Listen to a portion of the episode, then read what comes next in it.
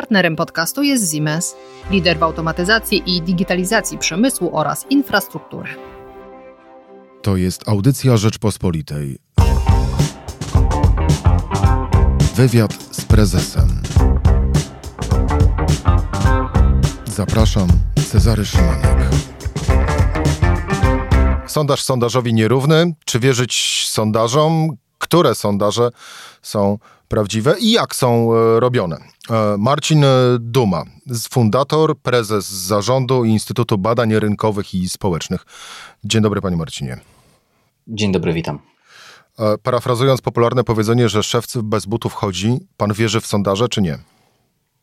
Czy to, to, nie jest kwestia wiary, to jest kwestia pewnej, hmm, pewnego krytycznego podejścia do tych danych, które, yy, które widzimy i nie przyjmowania sondaży jako prawdy objawionej, tylko jako pewnego zdjęcia, yy, wycinka rzeczywistości, które, yy, które badamy. Yy, a krytyczne podejście yy, cechuje, nacechowane jest tym, że to nie jest tak, jak że widzimy kandydata, który ma 41 procent poparcia i to znaczy, że on po prostu musi mieć te 41. To znaczy, że on ma w tych okolicach, czyli że to jest pewien przedział ufności, który, w którym się poruszamy e, i tak też należy, tak też należy do, do, sondaży, do sondaży podchodzić. Trzeba także pamiętać o tym, że jeżeli sondaż zrobiony jest dzisiaj, a pomiędzy zrobieniem sondażu a e, tym momentem, w którym my ten sondaż e, czytamy, odbieramy, wydarzyły się jakieś ważne, e, e, miały miejsce jakieś ważne zdarzenia, no to należy założyć, że patrzymy na obraz przeszłości, a nie teraźniejszości. To rozbierzmy w takim razie, jak się robi sondaże na czynniki pierwsze. To jak się robi sondaż? Od czego się zaczyna? No przede wszystkim musimy, znaczy mówimy o takim sondażu wyborczym, czy mówimy w ogóle o sondażu jako o technice yy, Zacznijmy najpierw sobie obrazu? Zacznijmy od samej techniki. Mhm. Eee, żeby zrobić sondaż, no musimy przede wszystkim wiedzieć, co badamy. No zakładam, że rozmawiamy w tych szczególnych warunkach, rozmawiamy o sondażu wyborczym, co znacznie ułatwia nam e, sprawę, ponieważ będziemy badać preferencje e, wyborcze. E, jeżeli badamy je ogólnopolsko, to to sprawa również jest uproszczona. Natomiast pamiętajmy, że sondaże wcale nie muszą mieć charakteru ogólnopolskiego, mogą mieć charakter regionalny, lokalny. E, Jaka no jest najmniejsza oczywiście... populacja, którą możecie e, poddać takiemu badaniu sondażowemu? Znaczy, to to zależy tylko i wyłącznie. Tu ograniczeniem jest technika. E, jeżeli mamy na przykład jakąś zamkniętą publik, e, populację, nie wiem, osób, które są pensjonariuszami, na przykład jakiegoś, e, jakiegoś, jakiegoś zakładu, czy, czy innego takiego miejsca, gdzie ta populacja jest bardzo mała. Oczywiście, że możemy tam także zrobić sondaż. Tylko, że to nie będzie sondaż e, ani telefoniczny, ani prawdopodobnie online, tylko taki face to face. A ponieważ jest to mała populacja, w związku z tym nie będziemy losować próbki, tylko przebadamy Wszystkich. Wszystkich członków tej, tej, tej populacji. Także tu specjalnych ograniczeń nie ma. Ograniczeniem jest tylko czas, który mamy do dyspozycji, sensowność, e, czy to badanie w ogóle jest sens wykonywać e, i rzecz trzecia, budżet. Bo on także wpływa na to, co, e, co możemy, a czego nie możemy wykonać. To wróćmy do owej sensowności na chwilę jeszcze. Zdarzały się bezsensowne zapytania o przeprowadzenie sondaży? Ale rzeczywiście, że tak i zdarzały i pewnie będą się z, Najbardziej zdarzać. takie bezsensowne, które wywołało u pana y, salwę śmiechu? Mm, nie ma, znaczy to jest tak, że z punktu widzenia takiego zamawiającego, to co on chciałby zbadać, zawsze jest w jakiś sposób sensowne. Pytanie jest tylko takie, czy jest y, sens, y, że staramy się, staramy się w takich sytuacjach przekonywać klienta, że słuchaj, naprawdę nie musisz na to wydawać środków, bo nie przyniesie ci to żadnych korzyści poza radością poznania. E, I jeśli chodzi o, o, o, takie badania, które naprawdę nie mają sensu, to są to badania na przykład no nie wiem, w gminach wiejskich przed, przed, przed wyborami e, samorządowymi. Gdzie naprawdę, naprawdę nie ma sensu robić takich sondaży i angażować środków, zasobów do tego, żeby je przeprowadzać. Natomiast z punktu widzenia takich sondaży ogólnopolskich, no to takich w zasadzie mm, takich sytuacji nie ma, tak? Znaczy one są na tyle potrzebne i istotne, żeby mm, dla, dla, dla jakichś tam sztabów, tak? Dla nie wiem, środowisk, partii, że tutaj w zasadzie pytanie o sensowność nie zachodzi. Ile musiałbym mieć pieniędzy, żeby zamówić y, sondaż dotyczący całego kraju? E, w zasadzie tyle samo, jeżeli chciałby Pan zamówić sondaż na przykład dla średniej wielkości miasta, bo wbrew pozorom technika i poświęcony czas i na, na wykonanie takiego sondażu jest, jest, jest bardzo podobny. I tu, e, jeżeli mówimy o takim na przykład bardzo prostym sondażu, gdzie mamy tam preferencje plus możliwość jakiegoś de pokazania demografii, no to tutaj będziemy rozmawiać e, o cenie gdzieś od 7, e, 7,5 tysiąca e, plus VAT, ale to ministerstwo tylko widzi i Urząd Skarbowy ten, ten, ten pieniądz w górę. Dlaczego w górę? Ano dlatego, że im więcej pytań chcemy w takim badaniu zadać, tym ono będzie więcej e, kosztowało. Jeżeli dodatkowo w takim badaniu chcielibyśmy zobaczyć na przykład, ok, mamy przekrój taką próbkę ogólnopolską, ale na przykład zależy nam na tym, żeby jakąś konkretną podgrupę czy kategorię e, e, społeczną uwypuklić, tak? Czyli mieć, ona sama stanowi na przykład, nie wiem, na przykład są to ludzie młodzi, którzy 18-24, których w sumie w populacji ogólnej jest na tyle mało, że w tym takim dużym sondażu oni będą stanowić grupkę e, na tyle niewielką, że wnioskowanie z tego małego wycinka badania no, będzie obarczone dużym błędem. W takich przypadkach stosuje się tak zwane rozszerzenie próby, czyli mówimy sobie tak, ok, robimy te tam 1100 osób w całym kraju, ale dodatkowo tę grupę, tych 18-24, chcemy, żeby y, to było jakby dodatkowo 500 osób. No i wtedy mamy tam próbę 1000. 1500 y, i y, w ramach tego możemy sobie poszerzyć na przykład ten wycinek, który nas, e, który nas e, interesuje. No i oczywiście tego typu, tego typu rzeczy e, znacząco wpływają na, na cenę, tak? no bo ocenie, jeżeli mówimy o tej takiej finansowej stronie tak? tych badań sondażowych, to na cenę wpływa wielkość badania, czyli długość jego przeprowadzenia, czyli czas ankietera zaangażowany w, i respondenta w przeprowadzenie tego wywiadu, a z drugiej strony także dostępność respondentów, czyli to, jak trudno będzie ich znaleźć. Im mniejsza grupa, im bardziej wycinkowa, tym oczywiście trudniej do takich respondentów dotrzeć. Jak pytacie? Przez internet, telefonem, osobiście? E, znaczy, my korzystamy w zasadzie ze wszystkich, e, ze wszystkich e, technik zbierania danych, czyli są to badania online, które w Polsce mają swoją, swoją specyfikę. Korzystamy z badań face to face, które też mają swoją specyfikę i najczęściej chyba, jeśli chodzi o, o sondaże wyborcze, to z badań telefonicznych. Czy ludzie w sondażach Pana zdaniem mówią w 100% prawdę? E, wiem, że istnieje taki pogląd, że ludzie w sondażach e, oszukują i że nie mówią nam, nie mówią nam prawdy. Natomiast e, ja bym postawił trochę inną tezę, to znaczy powiedział, że oni nie tyle oszukują, ile zdarza im się zmieniać zdanie albo być niepewnym tego, co przed chwilą powiedzieli. Co to znaczy? No jeżeli na przykład hmm, prowadzimy badania dotyczące drugiej tury y, wyborów, gdzie jednak ten wybór zawsze jest wyborem pewnego mniejszego zła, e, trochę bardziej zniuansowanym e, i zapytam, na kogo głosujesz, na kandydata A albo na kandydata B. No to, no dobra, to niech będzie kandydat B. Dobrze. Ale następnie potem y, to za pomocą dodatkowych pytań sprawdzamy, jaka jest pewność tego głosu. I okazuje się, że w zasadzie to jest 50-50 między tymi dwoma kandydatami.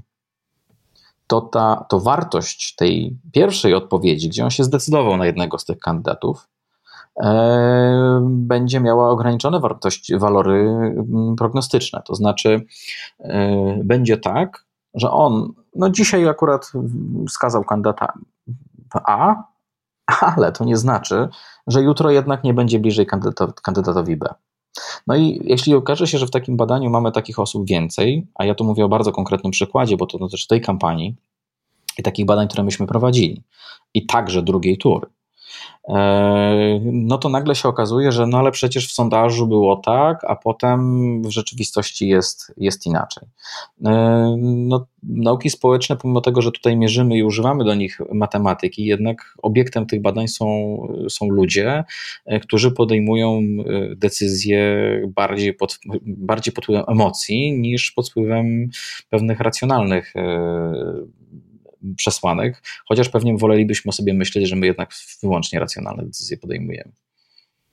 Pan, pan z tej pracy ma e, więcej hejtu, czy więcej zadowolenia?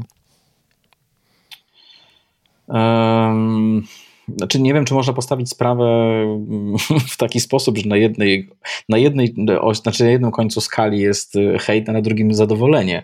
E, natomiast jeżeli mówimy o satysfakcji i braku satysfakcji, e, no to zdecydowanie tej satysfakcji chyba jest, jest więcej. Chociaż więcej biorąc pod uwagę.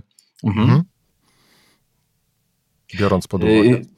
Biorąc pod, uwagę, biorąc pod uwagę nawet ten wieczór wyborczy, który jest e, dla badań politycznych e, takim, takim momentem no, dużych nerwów, e, no to nasza przyjemność z naszej, z naszej pracy polega przede wszystkim na tym, że te obserwacje, które prowadzimy, tak, badawcze w pewien sposób znajdują potem swoje odzwierciedlenie w wynikach wyborczych, a jeżeli prowadzimy badania dla sztabów, to z tego, że te rzeczy, które wyszły nam w badaniach i się sprawdziły, e, w sensie ich implementacja tak w kampanii się sprawdziła, no to jest to jakaś taka mała cegiełka do, do tej kreacji rzeczywistości.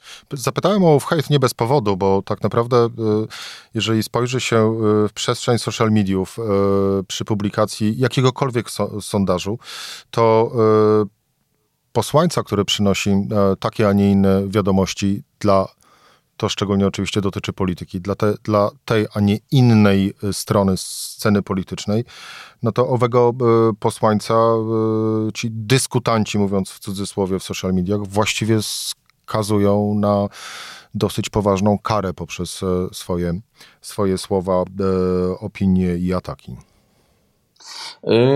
To prawda.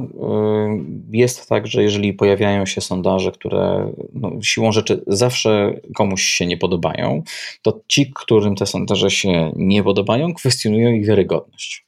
No ale to jest chyba część tej, tej pracy y, polegająca na tym, że, no, że trzeba tutaj mieć y, no nie można tutaj mieć miękkiego serca. Y, I, i, i, jakby no, trzeba to przyjąć tak z dobrodziejstwem inwentarza. To znaczy, A propos wiarygodności. A mhm. propos wiarygodności. Zdarzały się y, przypadki, że y, przychodzący y, klient, widząc pierwsze wyniki so, so, sondażu, stwierdzał, ja bym jednak potrzebował innych, które będą udowadniały moją tezę? Zdarzają się takie przypadki, kiedy kiedy mamy do czynienia z sondażami i pochyla się klient i mówi tak, hmm, hmm, hmm, hmm no tu tak niewiele brakuje, może dałoby się coś z tym zrobić. I co wtedy robicie? Jest prosta. Wtedy odpowiedź jest prosta, że nie da się z tym nic zrobić, bo to jest wynik, wynik y, y, y, badania i kolorowanie rzeczywistości, znaczy może tak, po pierwsze jest nieetyczne, tak, zmienianie pod, pod, pod tezę jakichś takich wyników, a po drugie mm, ja mam świadomość tego, że taka, takie sugestie podszyte są, e, czy są, zbudowane są na takim oto fundamencie, że jak w sondażach będziemy mieli lepiej, to wtedy wyborcy powiedzą ojej, no to znaczy, że tak jest i będą tak głosować, jak pokazują sondaże. A to jest nieprawda, bo to nie sondaże kształtują zachowania wyborcze, tylko zachowania wyborcze kształtują sondaże. E, więc jakby tu skuteczność takich poprawiaczy nastroju jest, jest żadna. Myśli pan, że sondaże w Polsce y, stały się swego rodzaju fetyszem dla klasy politycznej i dla wyborców? Myślę, że to nie jest polska specyfika, tylko w ogóle tak jest. E, no, moment głosowania, oczywiście, który jest najważniejszym sondażem, jak powtarzają politycy, jest fajny, natomiast on, on się odbywa bardzo rzadko, bo tylko podczas wyborów, a jednak e, do tych wyborów trzeba się jakoś e, przygotowywać no i ta wiedza, czy płyniemy w dobrym kierunku, czy płyniemy w złym kierunku, no wydaje się być kluczowa z punktu widzenia zawodu, czy aktywności, którą, którą politycy wykonują. Którym sondażom wierzyć? Ja pytałem na początku pana, czy pan wierzy, ale teraz idźmy trochę dalej. To którym sondażom wierzyć? Jak przeprowadzonym? Bo też przy każdym z nich jest taka dosyć prosta metryczka, która może nie do końca wszystkim wszystko mówi. Natomiast, e, no właśnie, którym wierzyć? Znaczy, to nie jest kwestia wiary, jak powtarzam, tylko to jest kwestia świadomości tego, na co patrzymy. Jeżeli yy, bierzemy pod uwagę polskie, polską specyfikę, bo każdy kraj ma swoją specyfikę, to należy jakby podzielić te sondaże według sposobu, według techniki zbierania danych. I mając tę świadomość, jak realizowany był ten sondaż, możemy wiele powiedzieć na temat tego, co on nam pokazuje. O czym mówię? Mówię o tym, że mamy tu trzy podstawowe techniki: sondaże takie online, y, sondaże telefoniczne i sondaże face to face. E, o sondażach face to face wiemy, że one nie należą do najtrafniejszych, y, jeśli chodzi o polskie warunki. Dlaczego? Dzieje się tak dlatego, że wpływ bezpośredniego kontaktu ankietera e, na odpowiedzi respondenta jest w Polsce dość znaczący. I to jest pierwsza rzecz, tak zwany efekt ankieterski, czyli że mm, respondent chce zaprezentować się Y, przed ankieterem w określony sposób. Tak? Znaczy, każdy z nas ma tendencję do y, działania pod dyktando własnej samooceny i chcielibyśmy, żeby inni oceniali nas również dobrze. Co oznacza, że prezentujemy się temu ankieterowi w taki sposób, który wydaje nam się, że będzie podnosił nam ocenę tej osoby nas samych. Nie wiem, czy to jest w miarę jasne. To tłumacząc, na, tłumacząc na taki prostszy język, czyli na przykład nieprzyznawanie się na to, że e, będę głosował na kandydata e, Krzysztofa Bosaka, tylko na prezydenta Andrzeja Dudę. Na przykład, albo na przykład, że nie będę głosował na PiS, bo wydaje mi się, że ten e, ankieter to jest taki może trochę bardziej, albo pochodzi z takiej firmy, co jest bardziej kojarzona e, z wynikami korzystnymi dla opozycji, i w drugą stronę, e, że to jest, nie, przyznam się do głosowania na opozycję, bo tu przyszedł ankieter z takiej firmy, która jest, czy instytucji, która jest postrzegana jako raczej, jako raczej prorządowa. A wy jesteście e, jak postrzegani, wtrącę y, się z pytaniem? Jak pan myśli? Nie mam, nie mam pojęcia i szczerze mówiąc nawet tego nie sprawdzaliśmy. Eee, czyli nie badaliśmy samych siebie, czy jesteśmy postrzegani jako bardziej, bardziej opozycyjni, czy bardziej, czy bardziej prorządowi, a może jako, jako neutralni. Nie, nie, nie potrafię odpowiedzieć na to pytanie. Wróćmy do tej wracając do, tych, wracając, do tych, wracając do tych technik. Eee, jest jeszcze jedna rzecz, a mianowicie sposób, przy, przy sposobie realizacji, na przykład no, pewnym mm, takim e, taką taką, taką sondażownią, czy takim instytutem, e, który cieszy się taką gorszą sławą trochę, jest CEBOS. To znaczy wyniki CEBOSu mają regularny problem ze sprawdzaniem się. E, I wiele osób mówi, no tak, a po co to utrzymywać? I przecież to jest wszystko e, bez sensu. I jak oni mogą ciągle popełniać te same błędy? Natomiast sposób realizacji badania, które jest badaniem, które robi CEBOS, oni robią badania face to face, w pewien sposób ustawia też wyniki. CEBOS regularnie sprzyja, czy wyniki CEBOS-u są regularnie lepsze dla rządzących. E, jedną z przyczyn, która, którą, takich hipotez, dlaczego tak jest, jest to, że na przykład y, zanim y, respondent weźmie udział w badaniu, otrzymuje list zapowiadający. To znaczy, w ramach anonimowego wywiadu informujemy listownie respondenta, że będzie on brał w takim anonimowym udziale, w takim anonimowym wywiadzie udział. Co oczywiście powoduje, że on wcale taki anonimowy się już nie czuje. E, I może to wpływać w jakiś sposób na jego odpowiedź. Druga rzecz jest taka, że. Mm, Bo Anusz Widelec, ankieter się gdzieś wygada i powie, że ten e, to tak opowiedział, a nie inaczej na przykład. Tak? Myślę, że to jest na poziomie raczej nie takich racjonalnego myślenia, tylko gdzieś tam podświadomości. Mhm. Druga rzecz jest taka, że w tych wywiadach jest e, problem z dostępnością do ludzi, którzy e, mieszkają w zamkniętych osiedlach, którzy mm, są trochę bardziej zapracowani. E, w związku z tym oni są niedoreprezentowani w, tym, w, tych, w tych badaniach, a oni mają jednak określone preferencje światopoglądowe i, i, i polityczne tym samym. I to jest jakby pierwsza rzecz, czyli to te badania face to face, jeżeli widzimy, że to jest, e, że to jest takie badanie przeprowadzone metodą wywiadów bezpośrednich, no to powinna się zapalić czerwona lampka i ok, podchodzimy do tego z pewną ostrożnością. Co to znaczy z pewną ostrożnością? To znaczy, że patrzymy na, patrząc na konkretne wskazania, e, musimy mieć świadomość, że one mogą być jednak trochę inne, ale ale patrząc na trendy, to znaczy na to, jak zmieniają się te, mm, czy ktoś rośnie, czy ktoś spada, to tu możemy mieć y, trochę większą pewność, że to, co widzimy w tych badaniach y, face to face, jest ok. Czyli, Czyli wynik, wynik, dzielimy na pół, ale patrzymy na to, jak w dłuższym... Nie możemy przeprowadzić takiej operacji, że wynik dzielimy na pół. Natomiast mamy świadomość, że to, co widzimy, może być albo zaniżone, albo yy, yy, zawyżone. Natomiast zmiana, czy to spada, czy to rośnie, zapewne oddaje rzeczywisty nastrój. Następnie mamy badania online. Z badaniami online jest y, w Polsce tak, że, wszyscy, że ci, którzy je wykonują, twierdzą, że one są reprezentatywne. Dla... Nie są.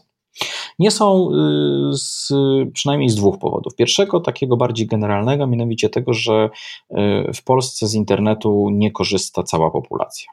To oznacza, że część z, z wyborców, część z obywateli nie ma możliwości wzięcia udziału w tym badaniu. Więc jeżeli nie ma, to my ich nigdy nie zobaczymy w tych wynikach. Ich tam po prostu nie będzie. Nie będzie, bo nie ma, oni nie mają się jak tam pojawić. Ale to jest jakby jedna rzecz. Druga rzecz jest taka, że w Polsce badania prowadzi się na panelach yy, badawczych, czyli na takich specjalistycznych serwisach, gdzie możemy się zalogować, e, podać swoje dane i będziemy zapraszani do, do udziału w tych, e, w, tych, w, tych, w, tych, w tych badaniach. Co to powoduje? A mianowicie to powoduje, że e, znacznie więcej osób nie ma szans na bycia wylosowanym do udziału w danym badaniu. To znaczy, że jeżeli w Polsce takie, te, te, takie panele, które y, poza może największym, y, które, które funkcjonują, których wyniki sobie oglądamy, mają zarejestrowanych parę set y, użytkowników na 30, ponad 30 milionów dorosłych Polaków. To znaczy, że 29 milionów ponad nie ma szans wzięcia udziału w tym badaniu. A reprezentatywność, czy to, że coś będzie reprezentatywne, taki, taki, taki pomiar, nie wynika z tego, że my do tego badania zaprosimy tyle osób w danym wieku, danej płci, danego wykształcenia. E, I potem odwzorujemy strukturę y, społeczną w, w Polsce. E, reprezentatywność polega na tym, że każdy, każda jednostka w danej populacji ma jednakową szansę bycia wylosowanym do badania. I to w badaniach online jest w Polsce niemożliwe. W związku z tym te badania są niereprezentatywne. W którą to stronę się wychyla, no trudno jakby powiedzieć. Wiem, że tam y, są prowadzone prace, szczególnie jeśli mówimy o badaniach politycznych, nad tym, żeby próbować pewnymi modelami prognostycznymi mm, stworzyć taką protezę tak, dla tego, dla tego pro, problemu. Niemniej jednak problem problem jest. Panie Marcinie, to w takim razie, e, tak, no i trzecia. No i trzecia rzecz, czyli badania telefoniczne, e, które w Polsce, przynajmniej według tych analiz, które, które się pojawiają, e, które są publikowane, są badaniami, jeśli chodzi o politykę, najdokładniejszymi. No i tu też nie ma problemu, jeśli chodzi z tym, czy ktoś jest wykluczony z tego badania, czy nie, bo w Polsce mamy ponad 40 milionów numerów komórkowych w użytku i pokrywają one, z tego co pamiętam, 98% y, populacji. No właśnie, y, chciałem się wtrącić z pytaniem takim podsumowującym, y, bo odpowiedź nie jest prosta z tego, jak słyszymy, ale być może się uda. To którym sondażom wierzyć? Jednym zdaniem? Tym telefonicznym? Myślę, że te sondaże telefoniczne są tymi, które, na które należy zwracać największą, yy, największą uwagę i tym, do którym, którym tą najwyższą wiarygodność tak możemy, yy, możemy przypisać, atrybuować. Ile telefonów musicie wykonać, yy, żeby mieć pełnokrwisty sondaż ogólnokrajowy? Mm, próba wynosi 1000, między 1067 a 1100 wywiadów i y, tak zwany response rate, czyli to, ile osób zgodzi się brać udział w y, wywiadzie, nie jest wartością stałą. Mhm nie jest wartością stałą, czyli zmienia się w zależności od pory roku, zmierza, zmienia się w zależności od y, temperatury napięć y, społecznych. Y, są takie wydarzenia, które powodują, że ten response rate jest niemal stuprocentowy, chociaż nigdy nie jest stuprocentowy. To są takie wydarzenia na przykład jak nie wiem, katastrofa smoleńska, jak śmierć papieża, momenty podniosłe, wywołujące bardzo silne emocje i potrzebę tego, żeby głos respondenta został, e, został usłyszany. Polacy lubią e, sondaże, Pana zdaniem? Czy lubią odpowiadać w sondażach? Mhm. E, myślę, że tak. A bardziej, a im, a im, ten, im czują, że to zdanie opinii publicznej jest, ma, ma jakąś wagę, tym chętniej odpowiadają. I stąd właśnie te momenty tak podniosłe, dużych emocji powodują, że, że, chętniej, że chętniej biorą udział w badaniach. To y, odnieśmy się trochę do tu i, tu i teraz. Mm, trafiliście z wynikami mm, pierwszej tury wyborów prezydenckich? Wyniki, znaczy, biorąc pod uwagę ostatnie publikowane sondaże, myślę, że trafnie oszacowaliśmy to, co się powinno wydarzyć. Oczywiście nie, nie mówimy o realizacji badania w punkt, y, bo to jest y, o tyle, o tyle trudne, jeśli chodzi o, mm, o badania wyborcze, że tak naprawdę do ostatniego momentu do ostatniego momentu ta, ta decyzja przez wyborcę jest podejmowana, a szacuje się, że co czwarty wyborca swoją ostateczną decyzję podejmuje dopiero nad kartką wyborczą, e, sorry, nad kartą wyborczą. Czyli yy, jednej czwartej każdego z wyników nie można być do końca pewnym? Tak. Tak należy powiedzieć. Do tego się oczywiście stosuje najróżniejsze, najróżniejsze techniki takie sprawdzające, czyli e, sondaż nie jest taki, wyborczy nie jest obsługiwany jednym pytaniem. Na kogo by pan, pani zagłosował, jeżeli wybory by się odbyły w najbliższą niedzielę, albo na przykład w tę niedzielę, jeżeli e, sondaż jest realizowany w tygodniu przedwyborczym. E, stosuje się cały skomplikowany kwestionariusz pytań, które pozwalają doprecyzować albo oszacować, czy ten człowiek jest zdecydowany, jeżeli tak, to na ile i dokładnie na którego kandydata. Bo zdarzają się takie przypadki, że tutaj mamy wskazanie nie wiem, na, na, na, Roberta Biedronia na przykład, tak? po czym okazuje się, że pewność tego człowieka, że on zagłosuje na tego Biedronia e, jest e, nie wiem, 30%, 20%. A tak na dobrą sprawę to on jeszcze nie wie, czy i na kogo pójdzie, a w puli jego zainteresowań mieści się nie wiem, dwóch albo trzech innych kandydatów. Jak bardzo y, jesteście w stanie sondażami określić, jak powinien się zachowywać, ubierać, co mówić dany polityk? Yy, sondażami? Mhm. Sondażem opinii publicznej w ogóle nie powinno się takiej rzeczy robić. Ale robi się. I on nie, nie, robi się. Znaczy, jeśli ktoś się zajmuje się poważnie polityką, to, to nie robi się tego sondażami. Do tego służą badania jakościowe to one dają nam odpowiedzi na y, takie trochę bardziej złożone, y, złożone sprawy. One pokazują nam emocje, one pokazują nam te rzeczy, które leżą poza sferą takich racjonalnych y, deklaracji. To znaczy, że zapytany respondent wprost udziela konkretnej odpowiedzi, jasnej, wydawałoby się. Natomiast jeżeli mm, zajrzelibyśmy do strony emocjonalnej, to okazuje się, że on myśli coś zupełnie innego.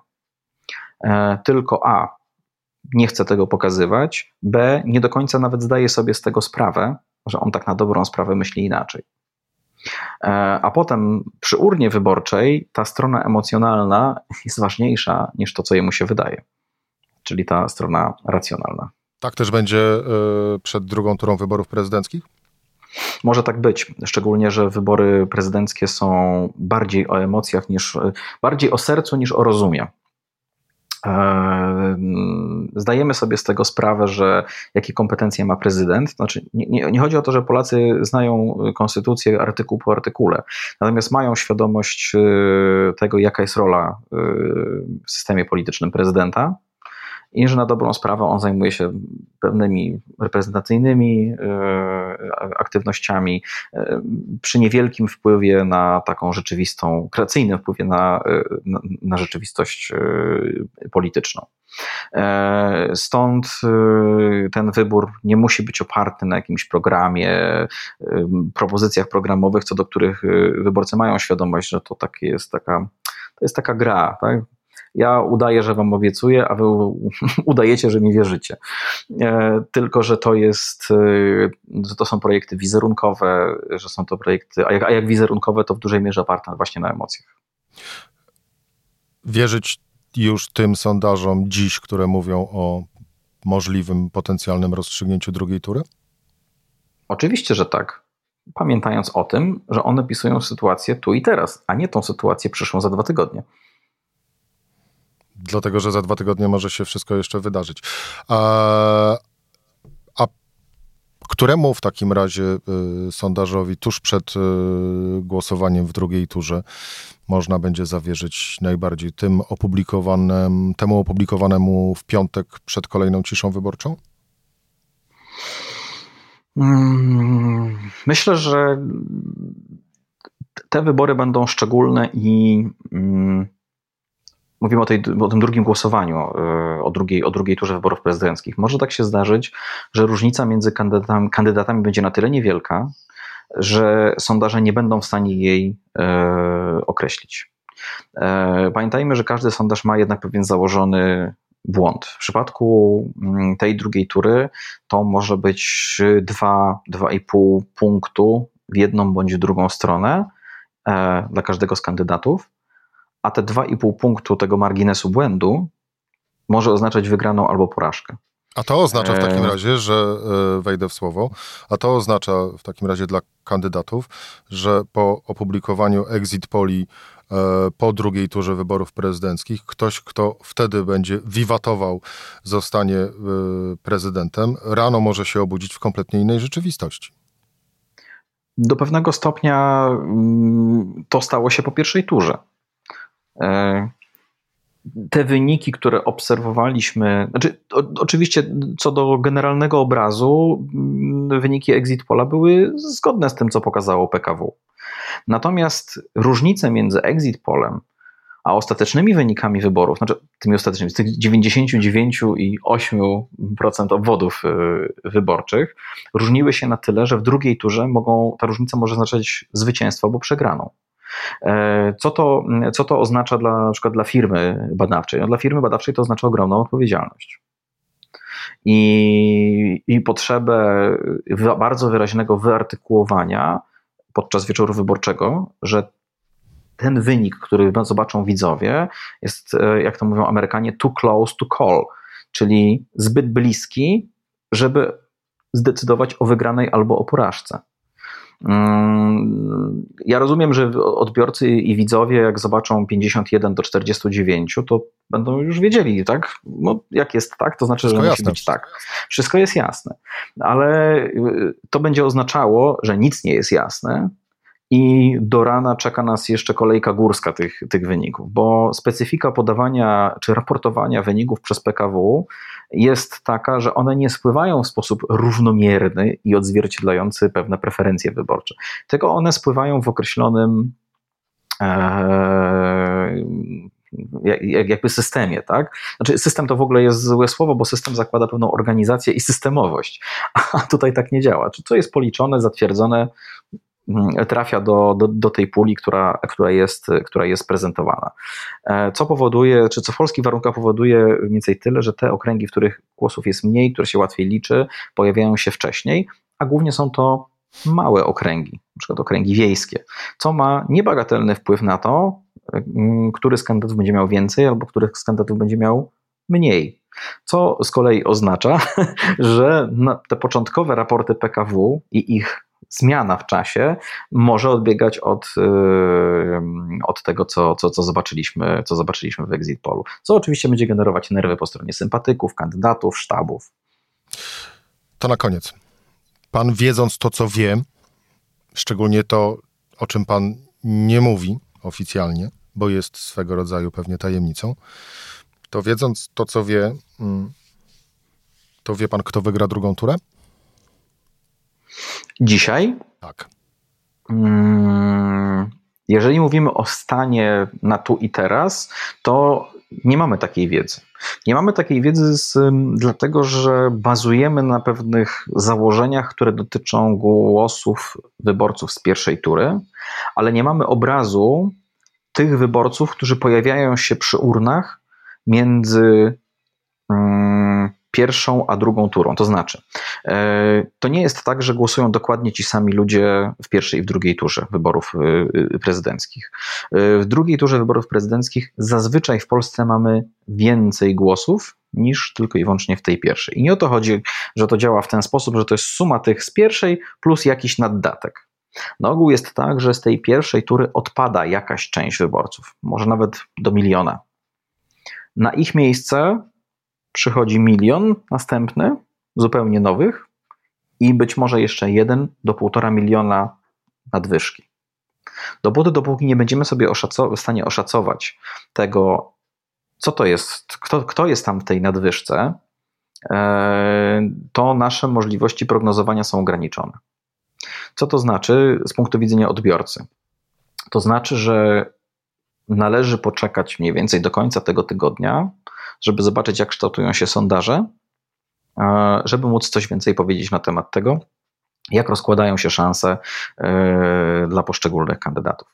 Jest jeszcze jedna rzecz, no bo wczoraj w wieczorze wyborczym pojawił się temat e, debat. No te debaty to oczywiście wielkie widowisko, taki trochę telewizyjny show. Natomiast e, ja, mając jakby doświadczenia z, z, poprzednich kampanii prezydenckich, wiem, że te debaty przed drugą turą, jeden na jednego, mają istotny wpływ na to, jak się zachowują wyborcy. Więc to, czy takie debaty się odbędą, czy się nie odbędą i jaki będzie ich wynik, a ten wcale nie jest taki łatwy do przewidzenia, także wpłynie na to, e, jak będą głosować wyborcy, czy pójdą, czy nie pójdą, czyi wyborcy z pierwszej tury pójdą, a czyi nie pójdą, kto będzie w stanie pozyskać dodatkowych wyborców spoza tej pierwszoturowej puli, a kto nie. A wydawało się, że zadałem proste pytanie. No, tu starałem się w miarę prosto odpowiedzieć, na tyle, tak. ile się da. Prosta odpowiedź byłaby e, albo jeden kandydat, albo drugi kandydat, ale rozumiem.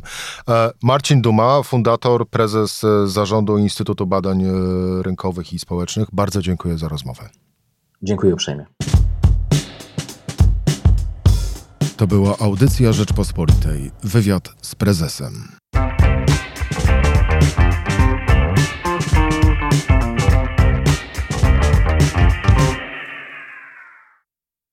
Partnerem podcastu jest Siemens, lider w automatyzacji i digitalizacji przemysłu oraz infrastruktury.